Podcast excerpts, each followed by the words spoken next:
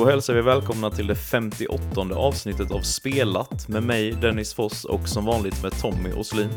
Tjena, tjena. Och idag så blir det många storspel i form av Bayonetta 3, Sonic Frontiers och så har vi båda såklart spelat God of War Ragnarök. Så vi kör igång.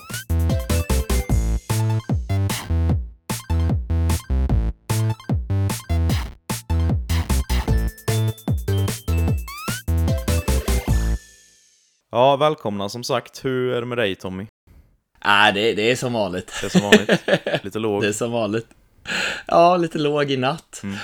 Eller lite låg, extremt låg. Men eh, jag sitter här, jag har spelat, jag, jag lever. Ja, det är skönt att du tar dig till eh, din position ändå. ja Tar ditt ansvar. Ja, eller hur? Själv då? Ja, men det är helt okej. Det var en eh, ganska hård helg för min del med konsert och ut, utekväll och grejer. Och sen var det väldigt mycket spelande förra veckan så man nästan fick eh, nästan helt eh, sinnesförvirrad så mycket jag har spelat. Vad är spel? Vad är verklighet? Ja, lite så. Fick du så här som man kan känna ibland, typ att man ser någonting och så, så reagerar man för att det typ påminner om spelet? Typ som, åh, det där, nu kan man göra en, eh, ja, där finns det ammo. Nej, det, det var inte ett spel. Ja, ja, nästan så. Det var lite på den nivån att man eh, gick och la sig och blundade och så såg man fortfarande gameplay så här framför sig och en kamera som svängde runt och grejer. Oj, ja. Alltså det ser jag väldigt ofta när jag har spelat typ Rocket League en hel kväll Ja. slash natt. Jag, jag känner igen det där. Ja. Men det är ganska härligt ändå. Ja, ja. Det, det är ju inga, eller jag vet inte vad du tycker, men det är ju inga dåliga spel Nej. Vi... du har kört. Säger jag utan att ha spelat Bayonetta 3, men Nej, vi får, vi får väl se vad vi tycker. Vi återkommer till det. Men eh, vi Ja. får väl hoppa in på eh, spelsnack direkt och vi har väl inte så mycket mer att tillägga här. eller hur? Jag är sjukt taggad på att höra vad du tycker om Bayonetta 3. För att jag såg eh, liksom en världens trailer på God of War Ragnarök. Och sen kom en trailer på Bayonetta 3, alltså det var innan båda spelen hade släppts. Ja. Och jag fick lite så här, eh, inte den här wow-känslan om man tänker på så här, tekniska kvaliteter.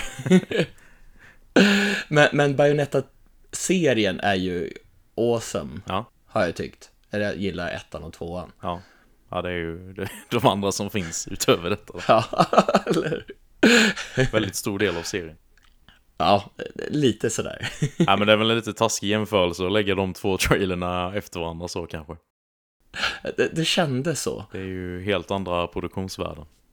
Ja, Nej, men eh, Bayonetta 3, jag fick ju det hem det väldigt sent och det var väl ungefär nästan två veckor efter release. Eller en vecka var det väl. Jag fick det på, ja, ja, typ nio dagar efter release eller något sånt.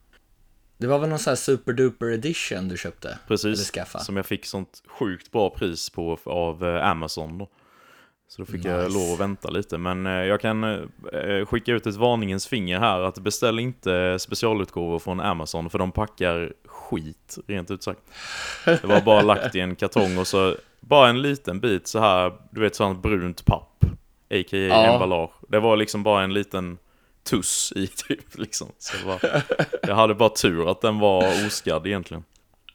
Ja, det är som när man har sett så här typ skräckbilder när folk har skickat så här samlarutgåvor där de har satt adresslappen på den här samlarutgåvan Ja, och skickat. Ja, det här var nästan så.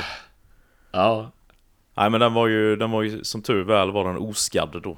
Eh, Så jag fick min, den är ju gigantisk låda den här Trinity Masquerade Edition då. oh, Så den är, vad innehåller den? Alltså den innehåller inte så mycket häftigt egentligen. Jag ville mest ha den här stora fina lådan. Men den innehåller ju en artbook då med art från alla tre spelen. Ja, Och sen så är det typ, om du tänker dig som ett, eh, ett eh, genomskinligt tomt eh, så här switch-fodral.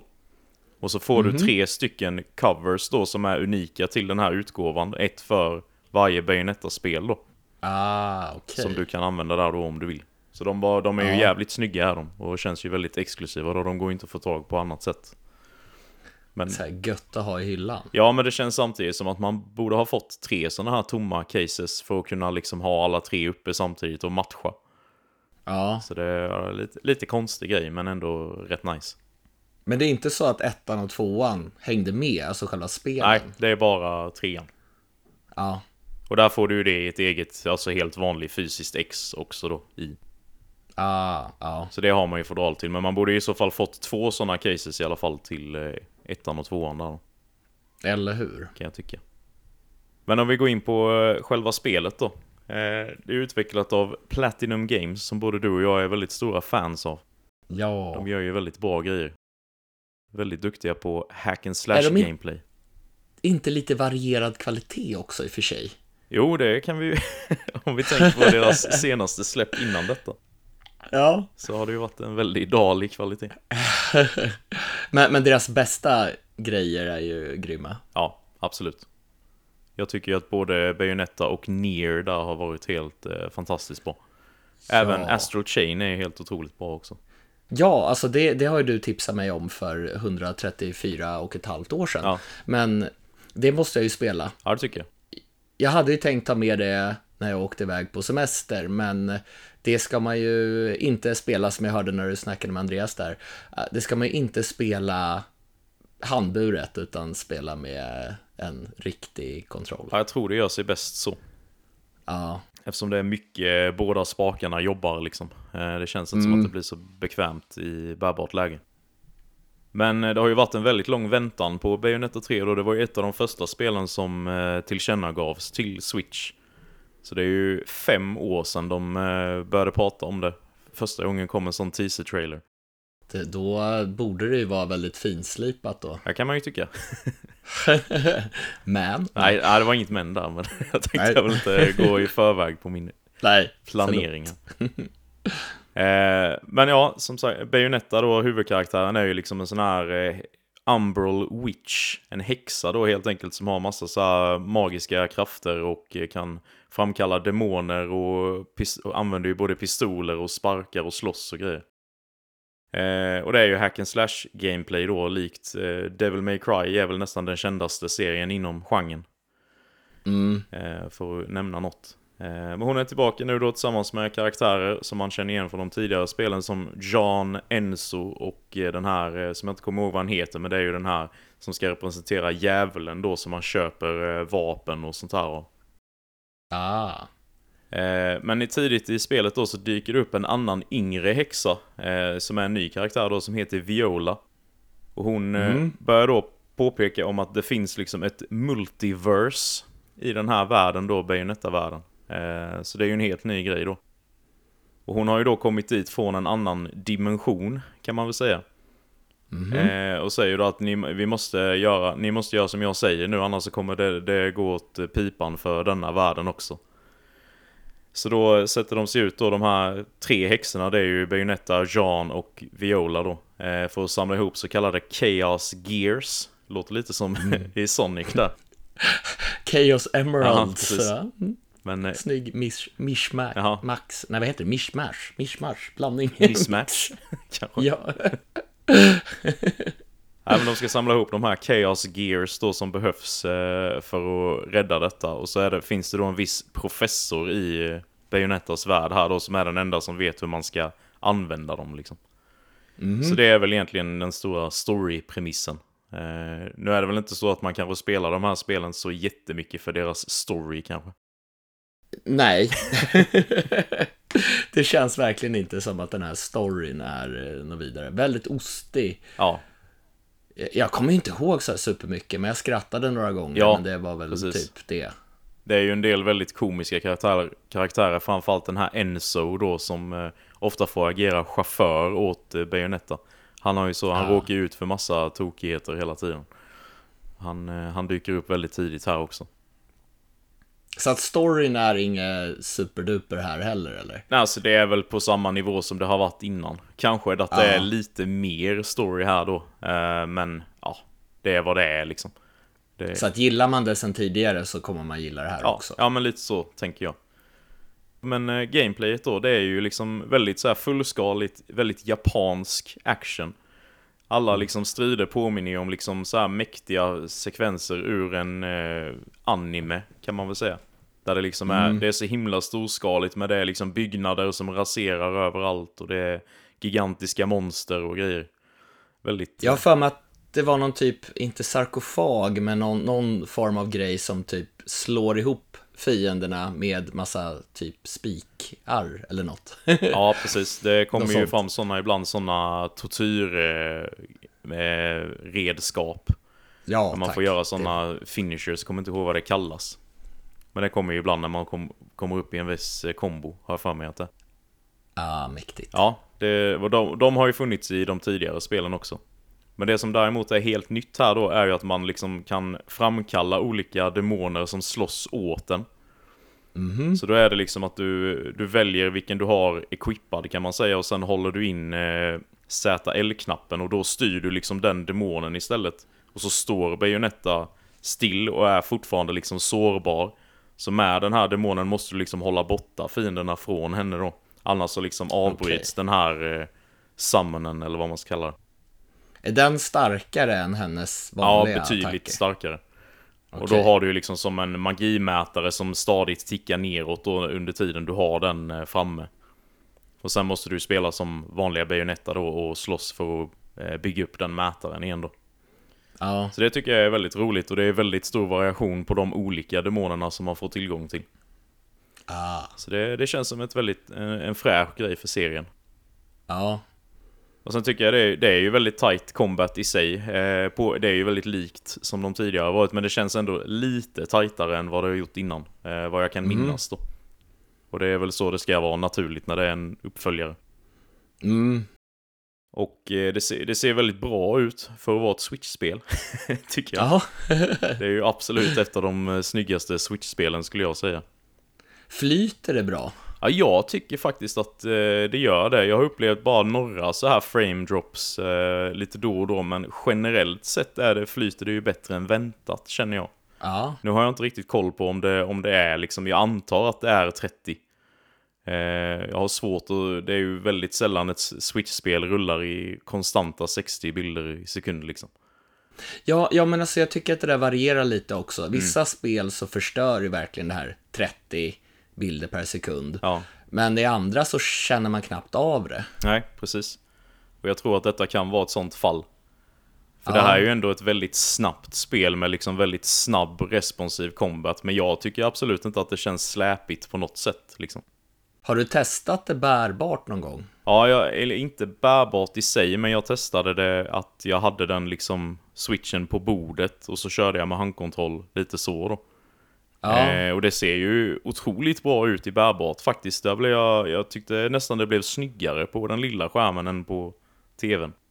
oh, Så det, var, det kändes som att det var väldigt bra anpassat för switchen liksom. ja, Men det är ju lite så också när man spelar detta att man, man tänk, det, det är svårt för dig och mig då som ofta spelar på andra konsoler också. Att det är svårt att inte tänka, undra hur det här hade sett ut på en Ah. eh, Xbox eller Playstation liksom. det, det är många gånger man har tänkt så. Ja.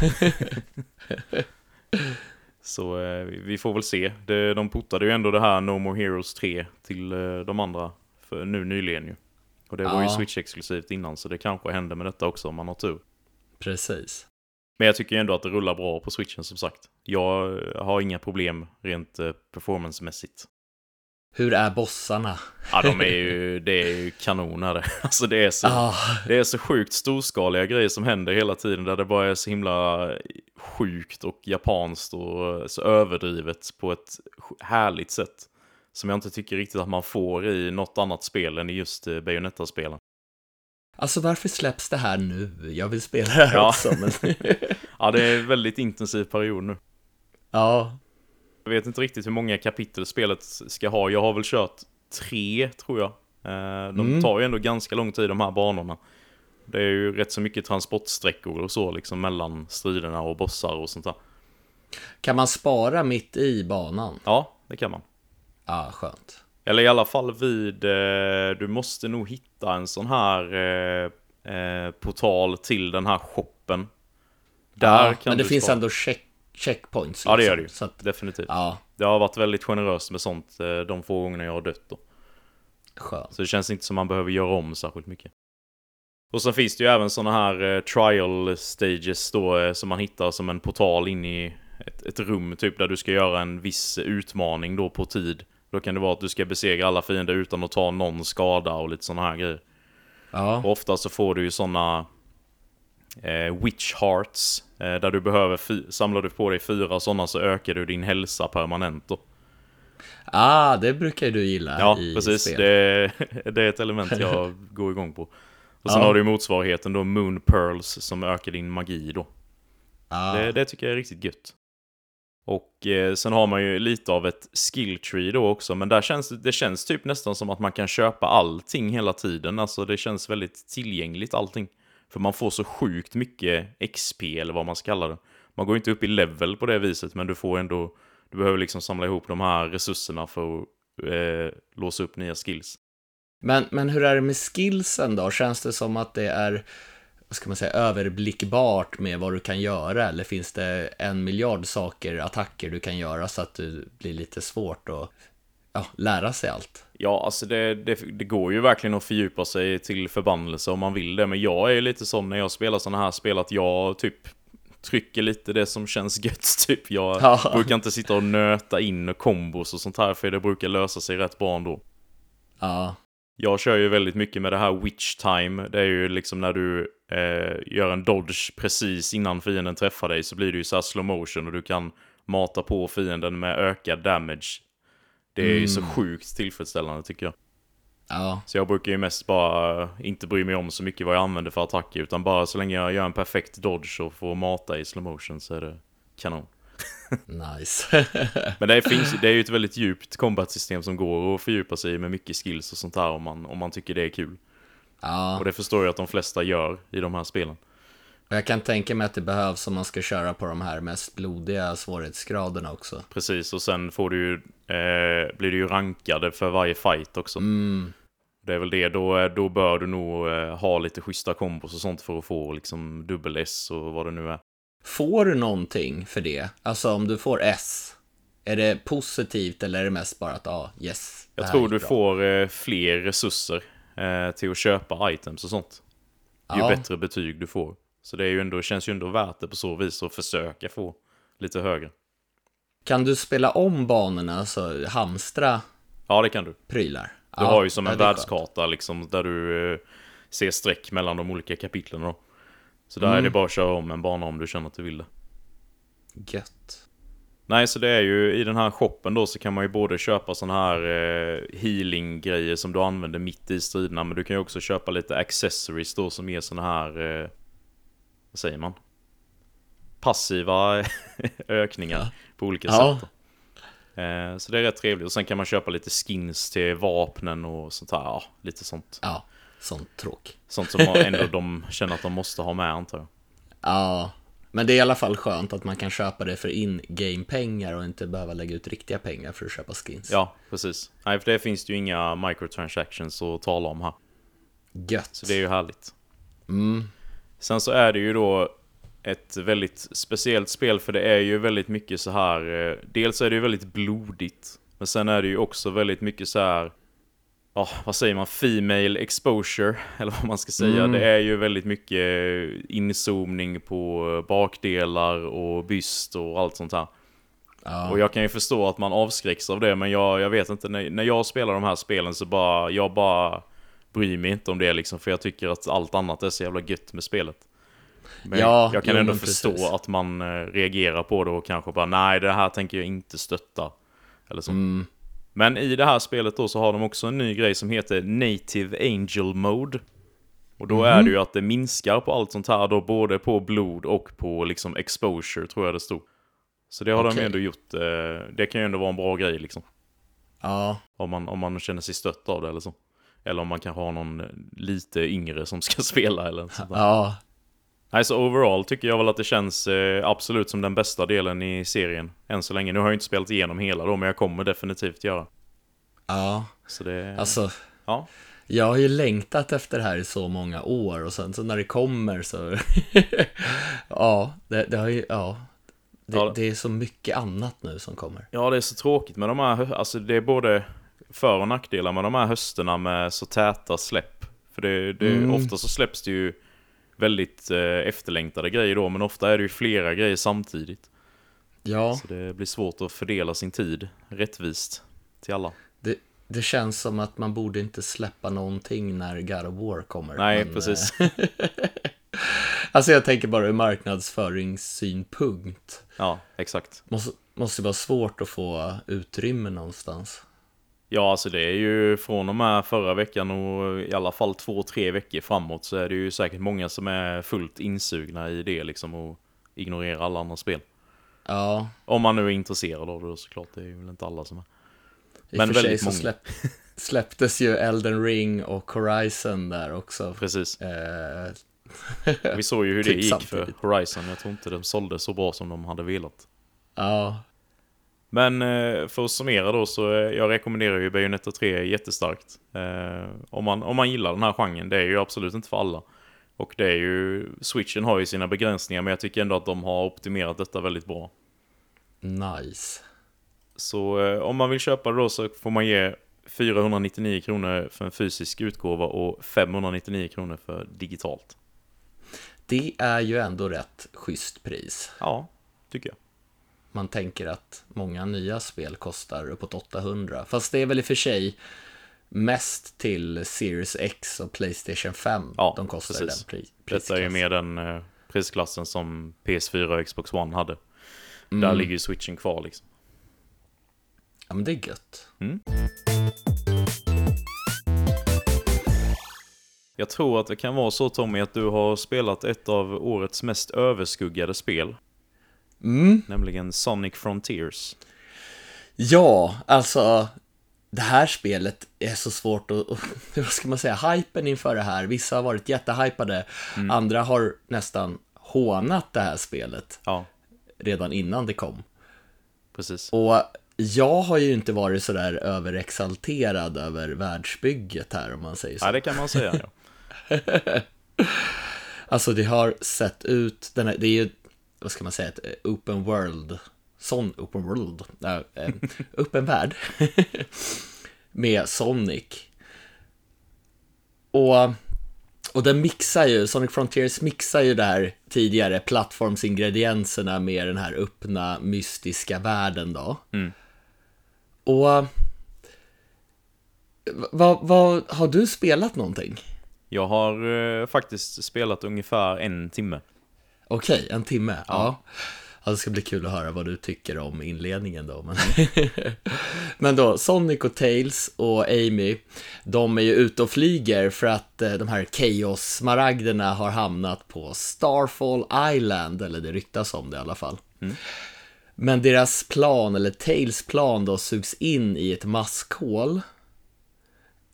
Sonic han klarar sig ju såklart, han lyckas fly. Och han hamnar på en av öarna då på Starfall Island. Men eh, Tails och Amy, de hamnar i någon konstig, vad ska man säga, digital subvärld. Mm, just det. Så att eh, målet är ju då att få tillbaka sina vänner då. Och återföra dem till den här verkliga världen igen. Vi, vi kan fortfarande snacka med dem.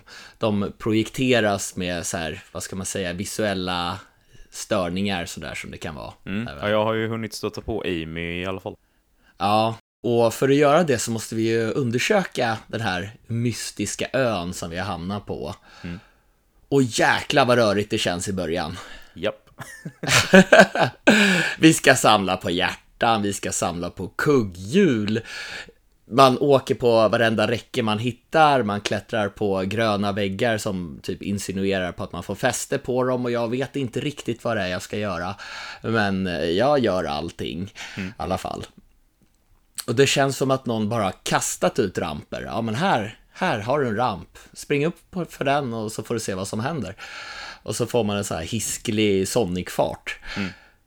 Och, och navigera på den här kartan som är överproppad med ikoner. Alltså, jag får typ sådär... Uh, lite, lite obehagskänsla när jag Ja. ser sånt. Jag Och, och de här, så här filmsekvenserna, de avlöser liksom varandra. Amy, hon verkar mest intresserad av att hjälpa några så här söta små stenvarelser än att komma tillbaka från cyberspace. hon är inte jättetaggad på, på det liksom. Nej. Men sen då, då kastas vi in i en sån här klassisk Sonic-bana med ordentligt peppig musik. Mm. Härlig design och man får den här galet snabba action där man liksom springer i loopar, man åker på rails, man hoppar genom ringar som ger en boost och man fullkomligt liksom flyger fram. Och liksom premissen i Sonic-spelen är att man ska behålla den här farten, man måste tajma knapp, knapptryckningar för att liksom inte stanna upp. Och har man farten stannat upp, då har man gjort något fel. Eller så har kameran gjort något eh, dumt igen, som den gör typ hela tiden. Men, eh, men, men jag gillar de här Sonic-banorna i det här spelet. Och, och det har ju, det har ju både där det har 3D-vy, som är mer, vad ska man säga, nya Sonic. Men det har ju också 2D-vy, fast det är 2.5D då, så att bakgrunden är ju 3D. Mm.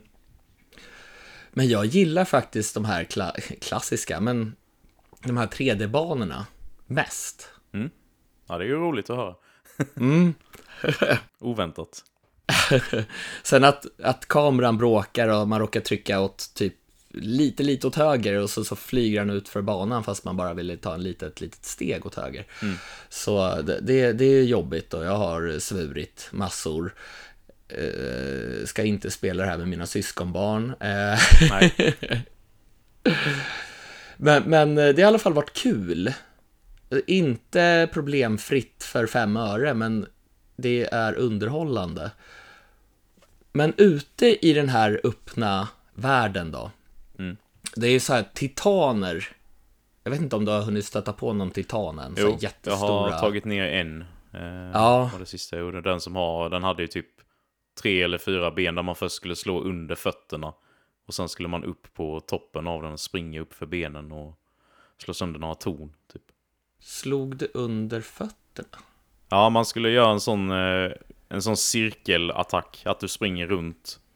Jaha. Och då lyfter de på foten. Och då skulle du göra en sån eh, vanligt slag på undersidan av foten.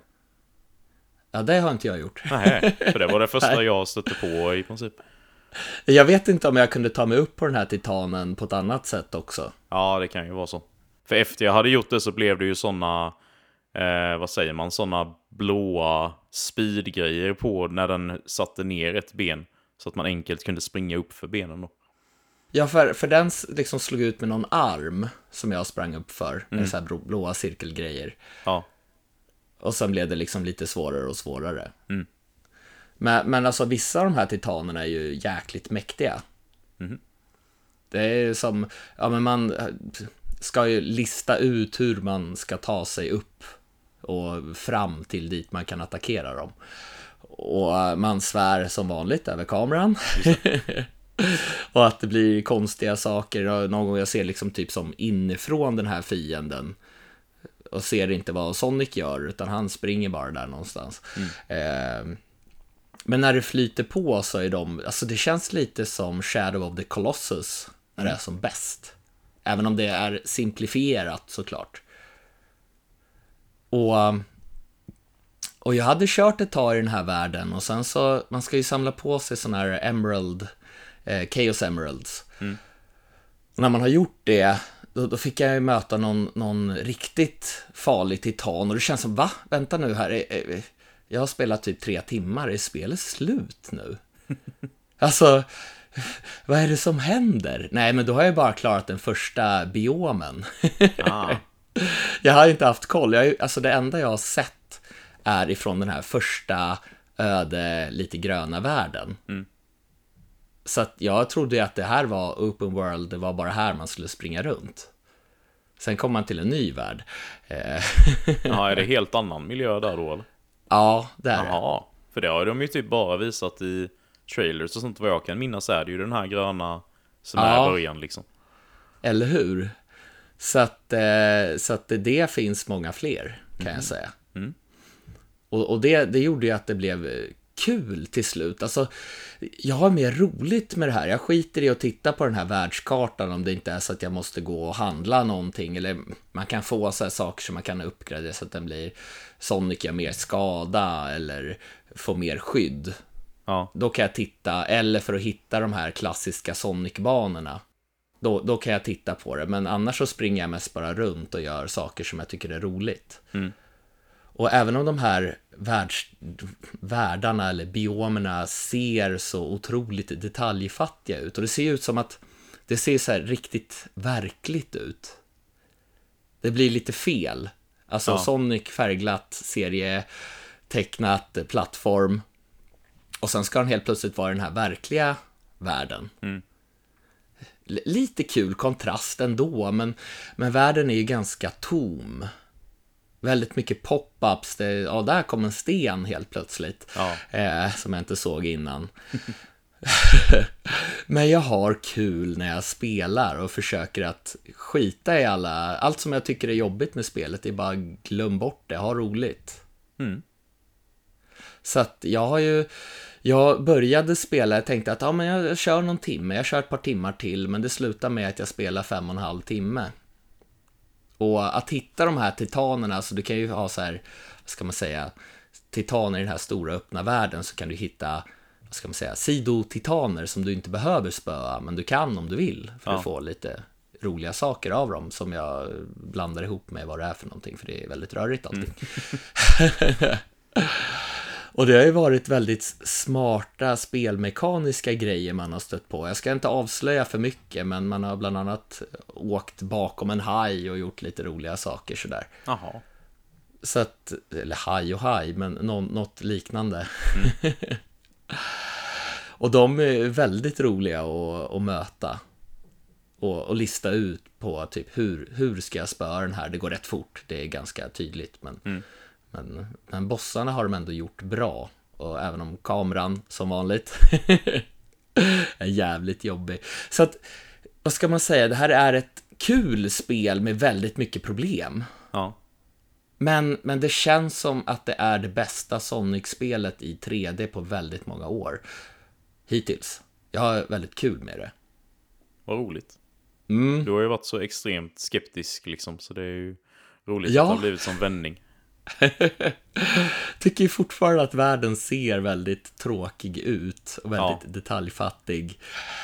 Men eh, den, den, de, de sa ju någonting, jag vet inte vem det var det i det här i Sonic Team, som sa att de gjorde som ett experiment med Sonic Frontiers. Okej. lite för att se var de ska ta serien i framtiden. Mhm. Och jag hoppas ju nästan att det fortfarande kommer vara den här öppna världen, för att i de äldre spelen så har man tröttnat lite på att köra bana efter bana efter bana. Mm. Här får du göra lite annat emellan och sen när det väl kommer en sån här Sonic-bana, man hittar den här portalen man kan låsa upp för att Ja. komma dit. Precis. Så blir man så här yes! Och jävlar, jag saknar några kugghjul, jag måste hitta dem. Ja. Och så kommer man in och så kör man den här banan. Och det tycker jag, det tycker jag är väldigt skoj. Mm. Så att, eh, och det finns ju också en massa pussel utefter de här banorna. Mhm. Väldigt många pussel och det kan ju vara det kan vara så små grejer och sen i början så där så kan man tänka att ah, vad fan är det jag ska göra? Och sen så, ah, jag ska göra en, en sån där, man, om man håller in trekant eller Y, beroende på vilken konsol man spelar på då, så gör han som, vad ska man säga, han får som ett fartsträck bakom sig. Och så ska man göra en ring av det. Och, och då så kan man låsa upp saker eller det kommer fram massa ringar eller annat. Är det inte oftast att du låser upp en ny del av kartan? Som blir Eh, jo. tydlig. När, när du har gjort de pusslen, Ja. inte genom att göra de där äh, ringarna. Nej, nej okej. Nej. Utan, utan bara när du gör pusslen som, som kan vara lite, lite spännande. Ibland kan det vara sådär att ja, men du ska genom vissa portaler, eh, du ska högt upp i luften och så ska du liksom åka slalom eller någonting genom olika fyrkanter. Eller så kan det vara att du ska ta dig högst upp på toppen av någonting som finns där borta långt upp i skyn. Hur gör du det snabbt? Just det. Och sen flyger man iväg när man har hittat det och så eh, tajmar man knapptryckningar och så till slut tar man sig dit upp och så gött. Ja. Så att jag har inte haft så här kul med ett Sonic-spel sen Sonic Adventures. Nej. Som jag gillar skarpt. Ja. men eh, storyn är väl inte jättespännande kan jag inte säga, men den är väl trevlig att den finns där. Mm. Lite, jag har hört att den här Big Cat ska finnas med i något typ av minispel när det kommer till fiske. Ja, just det. Så att det är något för El Kebab att hugga på, Ja. tror jag. 100%. Ja. Och Big Cat, han var ju med i Sonic Adventures också. När man hade klarat typ Sonics del så fick, låste man upp massa andra sidogrejer. Eh, förstod jag aldrig Big Cat-delen, men, men eh, det är väl typ där jag känner igen honom ifrån. Mm. Och fysiskt så kostar det 450 kronor till vad jag har sett alla form- format och det är ju Playstation 4, Playstation 5, Xbox Series X och S och One, Xbox One alltså, eh, PC och Nintendo Switch. Och digitalt så kostar det 639 kronor. Mm. Och... eh, döm det inte innan man har spelat en bit, är väl min dom. Ja, det kan väl vara lite så om jag kan eh, ge lite eh, snabba intryck av det lilla jag har spelat då. Ja, Jag kände ju lite så här när jag kom in i spelet så kände jag bara "Ah, okej, men det känns rätt häftigt ändå det här att man eh, springer runt och gör lite sådana här Sonic-pussel och det är snabbt och gött. Men jag Mm. kände precis som du sa att det blev väldigt snabbt så här ganska överrumplande med alla grejer, alla, alltså extremt mycket grejer på kartan och ramper överallt och så här. Man blir lite så här, "Ha, vad ska jag fokusera på och vad, vad vill spelet att jag gör härnäst? Hur kommer jag Ja. vidare? Nästan på den nivån var jag. Och eh, så körde jag ju den här eh, Titanen som vi snackade om innan där då. Och där hade jag ju mycket bråk med kameran. Alltså jag blev eh, riktigt... Eh, det var en väldigt nära rage quit ett par gånger. Så jag, jag, jag kände ju faktiskt när jag spelade, jag tänkte bara alltså Tommy hatar det här spelet tror jag. Jag tror inte han gillar detta, tänkte jag. för, för det är ändå jag som har varit ganska så positivt inställd till det Ja. i, i förväg då ju. Men jag tror nästan att du, du gillar det nog mer än vad jag gör. men, men du har inte kommit så långt än, för jag hatar också det där. det. Ja. Eller hatar var ett starkt ord, men, men alltså, jag hade ju väldigt svårt i början att känna att jag vill fortsätta spela, ja. Kan jag säga. Men däremot de här, de här eh, klassiska banorna och så här då, de är ju riktigt bra tycker jag. Ja, Framförallt de i 3D. De i 2D har jag lite så här bara, mm, jag vet inte. Jag har fortfarande svårt att komma in i det här Sonic-flowet när det är i 2D. ja, alltså där tycker jag ju de gamla spelen gör det mycket bättre. Eller Ja. Sonic Mania till exempel, det är mycket Ja, roligare. det än tyckte inte jag var så bra, men det kanske säkert var så. Ja, mm, mm. Ja. Men eh, 3D-banorna är väldigt trevliga. Så det, Ja. eh, Däremot så har jag ju inte velat köra om någon, för det är ju lite så olika challenges som man ser när man har klarat banan. Typ att du ska klara det på en viss tid och hitta grejer på, på Mm. banorna och sånt. Och det har jag bara känt, nej, jag är nöjd med att klara den. ja, alltså jag har ju kört jag om Ja, många har det, ja. banor. Ja, just bara för att det är kul. Mm. Och försöka Ja, för det få... kan väl dröja rätt lång tid emellan de här banorna med, förstår jag det som. Jajamän. Ja. Jag har bara låst upp två, två nya banor i, i eh, värld nummer två. Ja, precis. Och jag tror att jag hittade fyran, bana fyra först. Jaha, Så att det är inte så tydligt var de finns. nej. Ja, jag får väl ge det lite mer tid till nästa vecka helt enkelt. Mm. Jo, men det, det, det ska jag också göra, för det har kommit lite så här hemligheter, eller vad man ska säga, lite så här som, mm, det här var spännande. Ja, okej. Så att eh, jag känner också det, att ja, men jag har precis verkligen kommit in i det och tycker att det är skoj. Men, men som du säger, de här rage quit-tankarna har ju kommit ganska många Mm. gånger. Men, men varierande gameplay. Må, alltså, folk har sagt att det är väldigt repetitiv gameplay, men jag, jag vet inte. Alltså, jag tycker det är ganska gött varierat. Ja, det kan jag ju ändå hålla med om eh, redan nu, att det känns ganska varierat. Ja, Dels med sakerna man gör i den öppna världen och sen brytet med de här banorna och att de skiftar lite mellan 3D och 2D då. Eller 2.5D. Så det, ja, men det är ju trevligt. Det har ju någonting. Ja. klart. Eller hur? Och så ser man någon, någon av de här titanerna som typ flyger i luften, är jättestor. Och tänker att åh helvete, den där ska man slåss mot. Och så försöker man ta reda på hur man ska komma dit. Och så, ja, det är kul. Ja. Och alltså, jag har ju sagt att de här banorna är väldigt, vad ska man säga, detaljfattiga och sådär. Men jag kan ändå känna den här, vad ska man säga, den här intervjua lite musiken i den här världen. Jag trivs ändå här på något konstigt sätt. Till slut, när jag väl liksom har kommit in i spelet och inte känner att allting är rörigt och bökigt. Mm. Så, eh, nej, jag, jag, jag är lite överrumplad över att jag tycker att det är så kul helt plötsligt. Ja, jag med. Ja. Så, så ett eh, bra spel med mycket problem. Mm. Men ändå kul. Då är vi framme vid dagens huvudnummer, eller vad man ska kalla det. Det är väl eh, ett av årets största släpp, måste det väl ändå vara. Ja. Och det är ju eh, God of War Ragnarök. Som Ja. vi har längtat efter väldigt länge, vi båda. Det känns ju nästan lite sur surrealistiskt att det äntligen är här. Ja, faktiskt. Alltså jag har ju blivit nästan, eller jag har blivit helt mätt av den här hypen kring spelet så att jag har känt att nej, men, men jag är inte så, alltså jag vet att jag kommer älska spelet typ, men jag är inte så sugen på grund av all, allt som, all uppståndelse kring det, det blev liksom för mycket. Ja, ja, jag kan verkligen hålla med dig där, men sen när det blev typ veckan innan eller så, då, då kom det igång rejält för mig. Då, då var jag så taggad så jag visste inte vad jag skulle ta vägen nästan. Ja, ja men det var lite samma för mig och speciellt så här precis dagen innan sådär. Ja.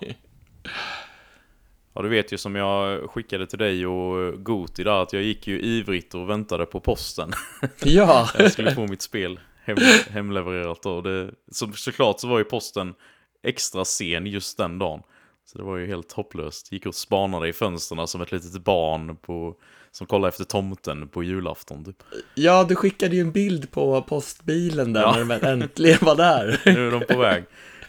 Så de var i grannbyggnaden här. Jag bara yes, nu är det på gång. Tur att det kom då också så att det inte var sådär att, ja, nej men det kom inte idag. Nej, precis. Nej, det var väldigt, väldigt tur. Ja, Jo, det kom. Och bootades Ja. upp. det gjorde det. Eh, ja, det har... Eh, jag, vet inte, ska vi, jag vet inte var vi ska börja. Om jag vill du veta hur mycket jag har spelat eller? Ja, kör. Jag, eh, jag började spela ungefär vid klockan två på releasedagen då. Ja, Och sen eh, tos- när jag stängde av på torsdag kväll så hade jag kört 19 och en halv timme. och jävlar, Och- du har spelat mer än mig. Ja, på fredagen så klarade jag spelet. Du har gjort det? Ja, ja. jävlar. Så jag har verkligen intensivspelat. Det är det jag menar med att jag när jag har gått och lagt mig så har jag liksom sett eh, gameplay och allting. Jag har varit helt insugen. Hur har du hunnit med Bayonetta också? Bayonetta har jag, körde jag ju innan då. Eh, ja, okej. Jag fick ju det på måndagen där, två dagar innan God of War. Då tänkte jag ändå först att nej men det är ingen idé att starta upp det innan. Men sen så när jag väl fick hem det så bara, jag är rätt sugen och då har jag ändå längtat efter detta liksom. Så då, det fick bli några timmar där också. Du, du har eh, verkligen spelat massor. Ja, det är en ny nivå känner jag. Ja, spelat enormt massor. En jävla massor. Ja, ja, där har vi det. Ja, precis. Nej, så jag har ju verkligen ett eh, helhetsintryck. Mm. Du är inte Ja, jag- riktigt färdig då?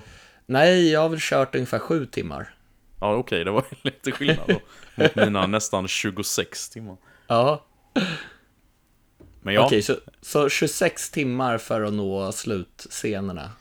Ja alltså det, jag körde ju ändå en del eh, sidouppdrag, eh, framförallt väldigt tidigt i spelet. Eh, och, och sen har jag ju väldigt ofta gått ifrån eh, the main path för att hitta hemligheter och kistor och allt vad det är.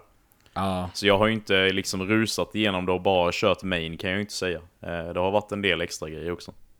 nej, alltså jag har ju verkligen varit sådär, okej, spelet vill att jag ska gå hitåt. Så att jag går ditåt. Ja, precis. och försöker hitta, hitta allt som går. Så ser man någonting, okej det här ser spännande ut, kan jag göra någonting med det? Eh, Nej, det var en växt som inte man ska röra, eh, bara titta på. Så att jag har verkligen sådär sökt igenom precis allt. Ja. ja, men det är härligt ju. Och det var verkligen en magisk inledning. Ja, det kan man lugnt säga. Utan att eh, spoila någonting så, alltså, fantastiskt. Men, Men, men, Jag har lite sådär, jag är lite konstig. Det tar ett tag innan jag verkligen, alltså jag förstår, jag har kul med ett spel, men det tar ett tag innan jag verkligen känner för ett spel. Ja, förstår du vad jag menar? Ja. Lite mer på djupet, nu låter det lite flummigt här. Men Nej, men jag, jag är med. Eh, det liksom tog ett tag och sen hände det en sak. Mm. Det, det var inte ens en stor, jättestor sak, utan det var bara en, så, så här, ja, nu, nu är jag fast, äntligen. Mm. Sådär, alltså jag är verkligen sådär riktigt insugen.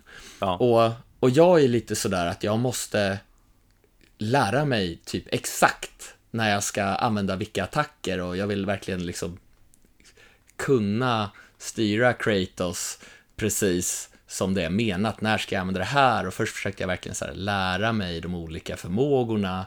Och även om jag inte dog, utan jag, jag tog mig vidare, så var det ändå som att jag kände att nej, men, det är inte riktigt okej än. Nej. Sen när det väl satt, att okej, jag började göra attackerna och grejerna på rätt ställen. Alltså, åh, vilken skön känsla Ja. det är. När man, man känner sig så, verkligen som en gud, som man är då. Ja, visst. Ja, det är God ju of War. otroligt tight eh, combat och det har sån tyngd i sig också. Mm. Men i varenda slag kändes det verkligen som att man gör så mycket skada och de här olika liksom avrättningarna, eller vad man ska kalla dem, det är ju så blodigt och gött. Och, ja. Ja, ja, man trycker ju in liksom spaken och man har slagit ner dem eller gjort så att de stannar. Alltså, det, det är så brutalt härligt. Mm. Så går han fram och klyver dem på mitten eller hugger av huvudet eller vad det nu kan vara. Ja. Det är härligt. Härligt våldsamt. Väldigt grabbigt känns som. Men sen har jag försökt tänka lite sådär, hur mycket hade man gillat det här om, om spelet inte hade varit så förbaskat assnyggt eller haft det här fantastiska ljudet? För det gör ju väldigt mycket för upplevelsen. Oh ja. Men, men det är så mycket detaljer. Alltså det skulle ju ändå vara jävligt bra, ett jävligt bra spel även utan det här grafiska godiset. Oh ja. Ja men alltså det är ju kombinationen av allting känner jag som gör det helt otroligt. Ja. Och just det här med att, ja men, eh, karaktärerna man går runt med, de pratar, de diskuterar saker, saker som har hänt, saker de är med om. Och det blir liksom ett sånt levande samtal. Mm. Och fruktansvärt rolig humor på sina håll. Ja, absolut. Jag håller med dig. Jag tycker det, det var ju det redan i första spelet så var det ju många härliga karaktärer som är, känns väldigt liv, livliga och de har verkligen en personlighet.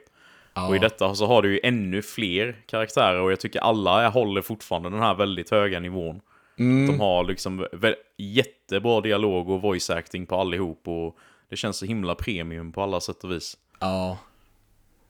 Eller Och som hur? du säger så är det ju eh, grafiskt, det, alltså det jag tror det här, det, jag undrar om inte detta är det absolut grafiskt snyggaste spelet jag har sett, tror jag. Ja. Ja, det är helt otroligt vad snyggt det är, alltså jag fattar inte. Det, Eh, Alltså, i, i början så kommer du till ett ganska, eh, inte direkt i början, men på ett ställe så kommer du till ett ganska brunt område. ja, Och du vet vad jag tycker om bruna ja saker. jag vet vad du tycker om brunt. Men det här var så läckert ändå, fast det var brunt. Ja, det, Det var snyggt. poppar ju så hårt. Liksom. Ja, och alltså jag var så glad. Alltså okej, till och med det här stället tycker jag är sjukt snyggt. Jag vill inte härifrån, jag vill vara Ja. här. Precis. Ja, ja, det jag kan ju säga det som har spelat hela då, att alltså, en del av de här miljöerna, det är så att jag sitter med... Jag bara sitter och kan knappt spela för att jag tänker bara det här är så sjukt jävla läckert. bara miljön liksom, jag kan bara stå och titta liksom. Jag bara, åh, Ja, fattar inte. nej. Och så ser man andra som har liksom utvecklare som har svårt att få spel att flyta fast det ser ut som PubG. Ja, det är ju verkligen fingertoppskänsla i den här Ja. studion, det får man ju verkligen ge dem. Mm. Och som du var inne på där med, med ljudet är ju otroligt bra med. Jag har ju kört Ja. hela spelet med mina sådana här, eh, vad heter de nu igen? De som vi båda har, de trådlösa. Arctis 7. 7P plus, Ja, just det. just det. Jag har kört hela spelet med dem på och det har ju varit sån otroligt tryck i allt som händer och rösterna kommer fram så tydligt och det är bara mm, Ja, sånt mys. Och svinbra musik också. eller hur? Ja, Alltså, ja. De har ju lagt in allting, allting är liksom så här på pricken, alltså de har exakt rätt musik när det ska vara Mm. den musiken som gör att stämningen bara blir tätare och tätare och tätare. Mm. Och sen det här, vad ska man säga, det är, man vill upptäcka allting, det finns massa hemligheter Ja. överallt liksom Precis. Som man inte vill missa. Man kan köra något siduppdrag och helt plötsligt så kan du göra något nytt till din yxa eller du kan göra en ny rustning eller någonting för att du har gjort det här och du har hittat det här som var lite gömt som säkert ingen annan har hittat eh, lite känsla fast alla har väl kanske hittat det men Nej, nej, jag, jag har svårt att se Just nu har jag svårt att se något negativt. Nej, verkligen. Jag, Och en, jag- grej, en grej som jag vill nämna där på tal om eh, sidouppdragen också, som jag tycker det här spelet gör extremt bra, som jag inte riktigt kan minnas att jag har varit med om i ett annat spel.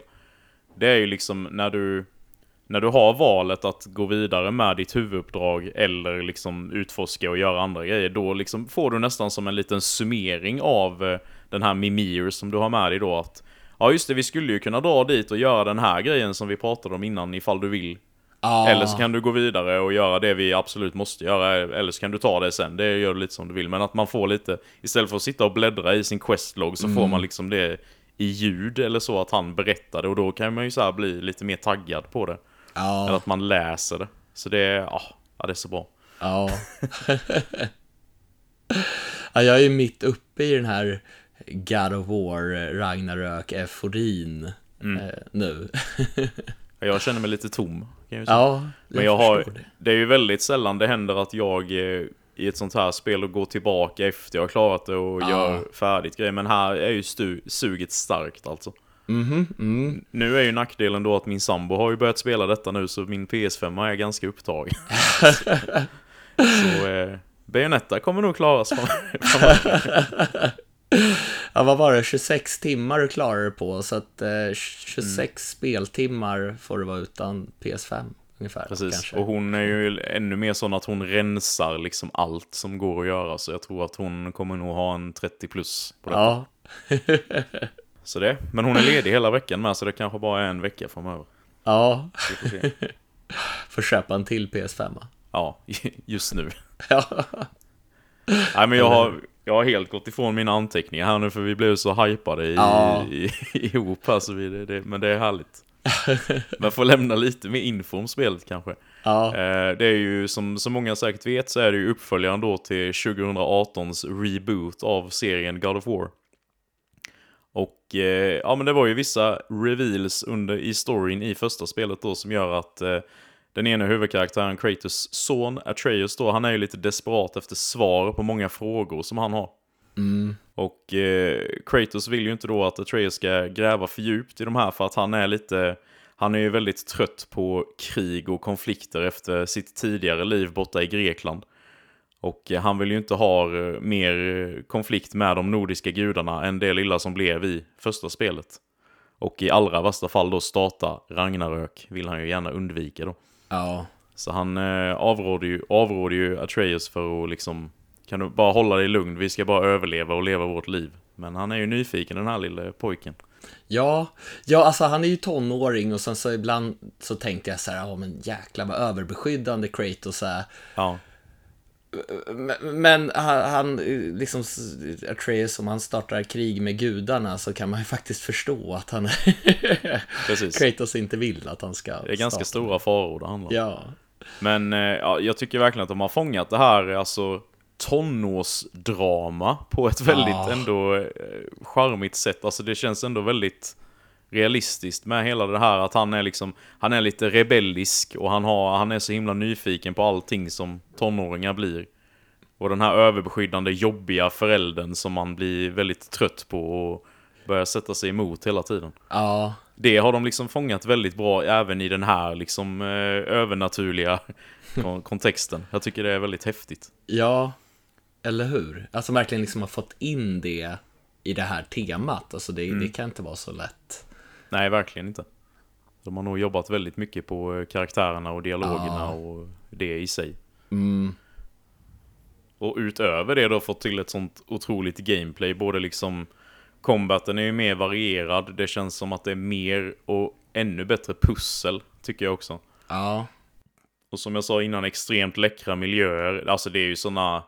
I första spelet så var det mycket färre så här riktigt stora moments. Eh, som man verkligen satte sig i minnet för alltid. Typ här är det ju... Du blir nästan över... Jag kunde knappt hantera det ibland. Bara, men hur kan det hända nu? En till sån här sjuk grej. Det är liksom... Ja, ja det, det här kommer jag inte glömma på länge alltså. Nej. Så det, ja, jag vet inte vad mer jag ska säga. Det, jag tror ju att de flesta som har varit intresserade har väl redan köpt det. Eller Mm. planerar att köpa det i alla fall. Ja. Det eh, är ju en kandidat till årets eh, Game of the Year. Ja, det kan man lugnt säga ja. Det är ju, ja, topp fem är ju inne på utan att säga för mycket. Ja, det, det kan det nog vara här med. Ja, Jag, jag har inte kommit sådär superlångt heller. Alltså jag tror att jag har varit långsammare än många andra, för jag gör Ja. ju precis allt. ja, ja men det, det tycker jag du ska göra också. Jag tycker du ska ta dig i tiden med detta. Så även så här sidogrejer som att man ska ju skjuta, vad är det, Odins fåglar? Mm, Eller korpar. Ja. Så det är inte bara Hugin och Mu- Munin man ska Nej, ge sig precis. på. Och, och man, det är ju bra att göra det också. Det är inte bara en så här samlargrej. Så Mm. det är ju väldigt trevligt att man får ut saker av det man gör också. Precis. Nej, nej. Jag- Jag har letat fel, men jag hittar inget. men, men det började ju med, när jag började spela det här, så hade jag ju en kontroll som driftade något enormt. Just det. Och det är ganska många så här storysekvenser när de pratar. Man kan fortfarande röra karaktären. Men, men det är fortfarande en sekvens där man pratar och då ser Kratos strejfa varenda jävla gång åt höger. Ja, för fan. Alltså det förstörde så sjukt mycket av den här stämningen. Ja. Så att jag var ju tvungen att skaffa en ny kontroll. Ja, det, ja, och det plus att du köpte spelet digitalt med för Ja. 850 spänn. Så det, det har varit en dyr historia för dig att Ja, spela detta. jävlar. Men jag är väldigt glad att du, att du unnade dig det. Ja, ja, nu får jag leva på potatis och ägg resten av eh, året, höll jag på att säga. Hoppas du tycker att det känns värt det. Ja, ja. Alltså, alltså, om vi tar nu kontrollen. Ja, Jäklar vad jag måste ha slitit ut den gamla för att alla knappar och allting, det har helt plötsligt ett motstånd. ja, Och samma med spakarna. Alltså, nu kan man ju, nu får man ju mycket bättre kontroll med aim och sånt där. Än vad man fick tidigare när, när spaken bara gav efter direkt. just det. Så att det var nog lite tur i oturen att den gick sönder så att jag skulle fatta att den var slut. Ja, det var dags. Ja, verkligen. Det var det. Men men jag fick bara en sån här vit kontroll för de hade ingen med färg på, på Elgiganten här i Ja, jag tänkte Södertälje. nästan skriva det till dig att eh, när du ändå skulle köpa en ny kunde du inte köpa en roligare färg då än Ja. den vanliga. Men jag misstänkte att det var något sånt att den, eh, den är väl mest tillgänglig, den här vanliga liksom. Ja, Om man ska det, ha det, snabbt med. det som skulle komma tidigast, det stod att det skulle vara typ upp till tre dagar och då skulle den komma på söndag stod det. Jag vet inte vilka som kör ut på söndagar, men Ja, det, det kändes som, nej, jag, jag vill ha den nu, det får vara en vit. Jag Ja. gömmer den andra jag någonstans. förstår det. Ja, jag vet inte hur mycket mer det finns att säga. Alltså, gillar man det första spelet så är det ju det, är det mest självklara köpet någonsin, typ. Ja, men, men, men man ska ha spelat det första först. Ja, oh ja. Det... Eller i alla fall ha eh, sett storyn på YouTube. Ja. Hel, helst spela det, för det är Ja. ett jättebra spel. För det finns ju någon liten sammanfattning, men den var ju inte mycket för världen. Ja, jag, jag kollade faktiskt på den. Eh, Ja. Och jag tyckte, för jag, jag hade ändå funderat på att köra någon sån summering på YouTube i, i förväg, men sen glömde jag bort det. Så när jag såg att det fanns så blev jag ändå så här, åh vad gött. Att få en sån, eh, en, och den var ju väldigt, som du säger, alltså kortfattad. Ja, Eh, och det räckte ju, för, för, för mig var det helt perfekt. Att den gick fort liksom. har man spelat det, eller Mm. upplevt den här storyn, då, då förstår man ju. Men Ja. om man inte skulle ha spelat det, då, Ja, nej, då nej. skulle man ju inte, det skulle inte räcka för att få allting, för att förstå Nej. allt i, i Ragnarök. Nej, precis. Men det är ju så när det är sådana här direkta uppföljare så är det ju... Ja, då... då ja, vi, vi rekommenderar det första spelet i Ja. första hand. Om man inte har spelat det. Ja. Och det är ju sjukt bra. Det följer väl med också om man har Playstation Plus till Playstation 5 va? Just det. I den här collection. Ja, helt rätt. Och det har ju också fått en eh, 60 FPS-patch till PS5 Ja. också. Så det är gött. Det är också väldigt snyggt. Alltså det är nästan som man funderar på hur kunde det här fungera till original Playstation 4? Ja. Ja, det är det som är så imponerande. Att detta, detta spelet finns ju då till både Playstation 4 och Playstation 5. Eh, och vad jag har hört så ska PS4-versionen vara bra. Så att man, jag tror inte att man eh, är helt, alltså det, den, den är ändå att rekommendera om man liksom bara har Playstation 4. Eh, Ja, Eller så. Jag för mig att det var typ Digital Foundry eller några som hade gjort en sån riktigt hård test och de var ändå så imponerade att det typ spelet såg typ bättre ut eh, och flöt bättre i PS4-versionen än i den här eh, eh, graphics-läget på PS5 då, alltså där du inte föredrar framerate ah, okej. eller så. Att det flöt bättre då i, på en PS4 eller så. Ja, Nu jävlar. ska jag inte ta mitt ord för detta, jag har för mig att jag Ja. läste något sånt i alla fall. Jag har hört att det ska vara en bra version i alla fall. Ja, och har man då en TV som eh, en 120 Hz TV med VRR, det är VRR va? Det heter tekniken. Ja, ja, ja. Ja, ja. Då, då kan man ju köra med olåst bilduppdatering också. På, Det ska funka tydligen väldigt bra. Man kan köra utan VRR med en högre bilduppdatering än 60. Men den dippar tydligen ganska mycket så att det blir sån här stuttering. Så att då, då rekommenderas 60 bilders läget där också. Vad jag, vad jag har hört ja. från andra. Jag har inte en 120 Hz TV så jag kan inte Nej, testa. inte jag heller. Men även på det här eh, performance-läget så ser ju spelet helt otroligt ut. Så jag, Ja. såg, jag kunde verkligen inte se någon mening i att köra det andra. Om det heter Fidelity eller Graphics eller vad de nu kallar det. Nej. Nej, jag, jag såg någon jämförelse där och det var liksom väldigt eh, lite. eh, Det kändes knappt av när man väl spelar det. Kanske om du stannar upp och bara tittar rakt fram. Men, men Mm. Ja, det är väl spelar Så. Om man ska gå in och köra lite photo mode kan det väl vara gött att knäppa på Ja. det läget. Eller hur? Och få Kratos att le på eh, väldigt Ja, konstiga det. sätt. Men eh, ja, spelet eh, pris då, det är ju digitalt där då så är det ju 849 kronor. Då får man ju bägge versionerna där då helt enkelt. Mm. Så, eh, men fysiskt då så är det ju lite billigare till PS4. Där kostar det ju 579 som billigast. Och PS5 är 643. Ja. Så det är lite skillnad. ja. Men däremot så tror jag inte att om du köper det fysiskt till något av formaten så ingår ju inte den andra versionen. Nej. Nej, det har jag också hört. Det är ju ingen sån free upgrade från PS4 utan det är väl en sån 100 kronor eller något man får betala som det var Mm. med eh, eh, Death Stranding och Ghost of Tsushima där då. Ja. Så det är väl något de har slutat med nu. De gjorde väl bara, de skulle väl egentligen inte gjort det med Horizon heller. Det var väl mest att de hade lovat det sen långt tillbaka så de var tvungna att hålla det. Ja, jo men precis. Alltså jag standard. förstår ju ändå det på något sätt. Ja, Alltså det är ju mycket dyrare att utveckla ett spel till nuvarande konsolgeneration än förra konsolgenerationen. Så att eh, det, det finns ju någon logik i det i alla fall. Även om man gärna vill ha gratis uppdatering kan jag tänka mig om man ändå sitter på Playstation 4, kanske vill köpa några spel och sen får man inte uppdateringen till Playstation 5, ja, då kanske man skippar dem då. mm, precis. Tänker att man tar det sen och sen så har det kommit nya spel så blir det inte alls istället.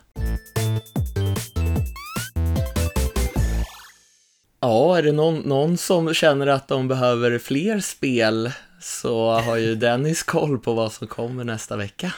Jajamän. Eh, tveksamt det någon som känner sig helt utan något att spela just nu. Men eh, ja, ja, ja, jag har en liten blygsam bunt här i alla fall. Men det är, det är ändå spel som jag tror både du och jag är ganska intresserade av. Mhm, det blir jag lite nyfiken, eller väldigt Ja. nyfiken. Och de släpps ju på samma dag då. Eh, 22 november. Och det första är ju det här Evil West. Åh, oj, nu... Ja. ja. ja, ja, men det är jag taggad på. Ja, men det ser ju faktiskt riktigt eh, trevligt ut. Eh, vet inte riktigt vad det påminner om, men det påminner om lite så här äldre 360 PS3-eran, så här goa action-rökare liksom. Ja, Lite den viben får jag. ibland kan det vara gött med något så här lite, ska, lättsamt, är väl väldigt blodigt, men alltså eh, bara, bara skoj, bara plocka upp, sätta sig och bränna av lite Ja, istället för att behöva investera så mycket i ett spel till exempel. mm, precis. Ja, Jag, har, jag vet att jag har i alla fall bett om att få recensera detta, så vi får se om det blir, om det Ja. blir något Ja, snack om det här i podden.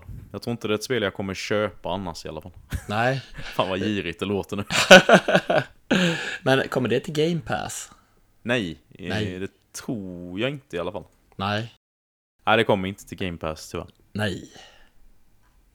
Det kan ju alltid komma senare, det vet man ju inte. Ja, jo, precis. Men det släpps i alla fall till Playstation och Xbox, det är ju cross-gen där då, och till PC. Ja. Men det andra spelet här då, eh, som jag har, eh, tänkte nämna, kommer till Game Pass, och det är ju det här Gungrave Gore. Ja, Hur känner du kring det? Lite Det- blandat eller? A- Alltså jag, jag har ju sett, jag såg ju den här första teasern. Mm. Coach Media eller Pl- Plyon, eller hur det uttalas, Ja, som de heter precis. nu. Eh, visade ju upp det på någon, någon sån här eh, tillställning för länge, länge sedan, eller länge sedan, två år sedan kanske. Och Mm. då blev jag skittaggad. Det var inget gameplay, men jag blev taggad ändå. Ja. Så att det har ju gjort mig väldigt taggad på det här spelet. Mm. Men eh, ja, jag vet inte. Jag har inte jättekoll kan jag säga. Nej. Förutom den, den teasern. Ja. Jag tycker att det, det ser ganska gött ut. eh, Men det ser, jag tycker också att det finns någon tomhet i, eh, i gameplayet på något sätt. Mhm. Att det känns som att den här tyngden som man har upplevt nu i God of War då framförallt, att den, den är helt obefintlig i detta. Att det är mer så här bara ja, men om man slår igenom en fiende så är det som att slå igenom papper typ. Alltså det, jag vet inte. Jaha, Det är någon konstig bild jag har fått av det i alla fall, men jag kommer nog definitivt prova det ändå eftersom det är på Game Pass. Jag hoppas att du har fel. Ja, det gör jag med. Jag vet inte vad jag, varför jag har fått för mig det riktigt, men det var någonting. Jag hoppas Däremot att så var det ju rätt om väldigt... så. eh, Ja, precis som Sonic. Ja. Ja, Men däremot så, eh, den här... De släppte ju någon sån story-trailer och det kändes ju så sjukt ostigt och eh, dumt typ. ja, men det kan vara kul. Ja. Jo, jag ska inte säga någon som spelar Bayonetta, så det, jag får väl ändå säga att jag uppskattar sånt lite. Och detta släpps ju också då till Cross-Gen då, Playstation, Xbox och till PC. Ja. Så det var allt. Ja, Mer behöver vi inte. nej, nej. Vi måste hinna bli klara med det vi spelar precis. nu. ja, men det låter ändå spännande. Mm. Har du någon eh, favorit mellan dem som du ser mest fram emot? Evil West, skulle jag vilja Ja. säga. Ja, jag får nog hålla med där. Mm. Det ser köttigt ut. Det var allt vi hade att bjuda på idag och stort tack för att ni har lyssnat och ett extra stort tack till vår Patreon Hero. Och eh, vi har ju en utlottning till våra Patreons där vi kommer lotta ut Plague Tale Requiem till Playstation 5. Och den här utlottningen eh, pågår ju då, man har fram till eh, nästa fredag, det vill säga den 25 november, att eh, anmäla sig. Det kommer ligga ett inlägg på Patreon där. Så är man redan Patreon så kan man anmäla sig direkt, eller så kan man bli Patreon innan dess, så, om man är sugen på att ha chansen att vinna spelet då. Ja. Och som i vanlig ordning så hittar ni oss på sociala medier och det finns ju ett länkträd där ni hittar alla länkar. Och ja, vill återigen slå ett slag för vår Discord. Oh ja, Och tills nästa gång, spela massor.